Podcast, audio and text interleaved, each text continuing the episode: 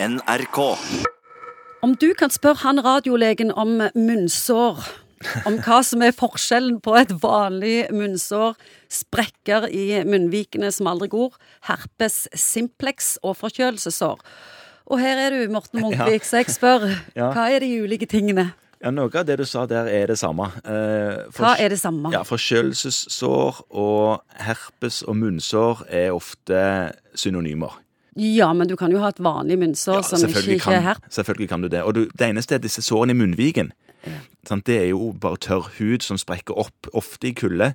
Når du er fuktig i munnviken, og den fukten blir kald, og ja, det blir utrivelig for huden under, så sprekker den opp og gjør småsår. Og de smitter ikke, men det gjør de andre. Stemmer. sant? Munnsår, herpes og forkjølelsessår, Veldig smittsomt. det er veldig ofte Ja, det er, det er smittsomt. Spesielt når du har utbrudd. Hvordan Altså- kan det smitte? Herpes er grupperte, som det heter, vesikler, altså blemmer, med klart innhold. Dette klare innholdet, det er virus. Og hvis du da kysser på noen som ikke har den infeksjonen når du har utbrudd, så vil det veldig ofte smitte. Derfor er det veldig vanlig å ha herpes. Hvis du tar blodprøver og sjekker om du har herpes simplex, som viruset heter, type 1, som er oftest på munnen, så vil veldig mange, veldig mange ha det. Blitt smitta gjennom barnelivet av mor som allerede hadde det, og blitt kyssa på, og så har du fått det du òg. Er det bare kyssing som kan smitte?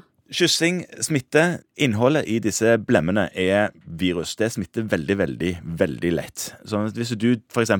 deler vannflaske på trening, eller kakaokopp på påskefjellet, eller et eller annet sånt, så, det, så kan det i prinsipp smitte. Og så kan man være litt avansert, og så er det forskjellige typer herpes simplex-virustyper.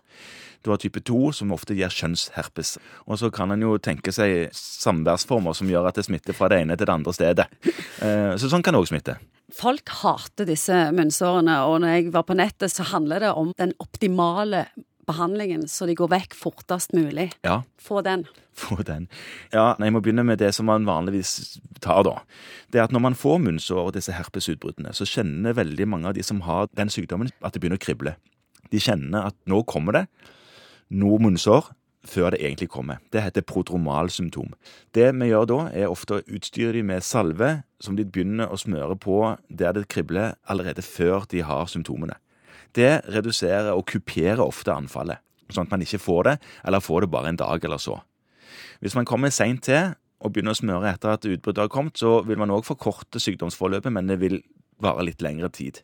Og så er det òg veldig mange av de som har herpes, som ikke får utbrudd i det hele tatt, og slipper dette her. Men de som er mye plaga og ikke kommer ordentlig i mål med salve, får tabletter.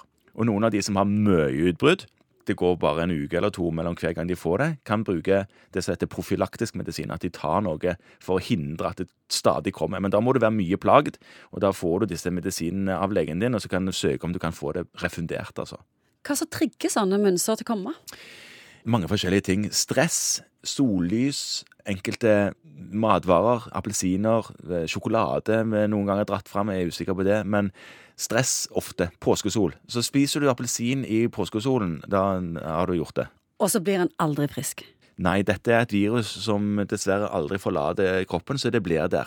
Men husk, det er veldig vanlig. Det er mulig å hanskes med dette her. Og de som har mye utbrudd, dra til legen og diskuter dette her. Det kan være at det er god hjelp.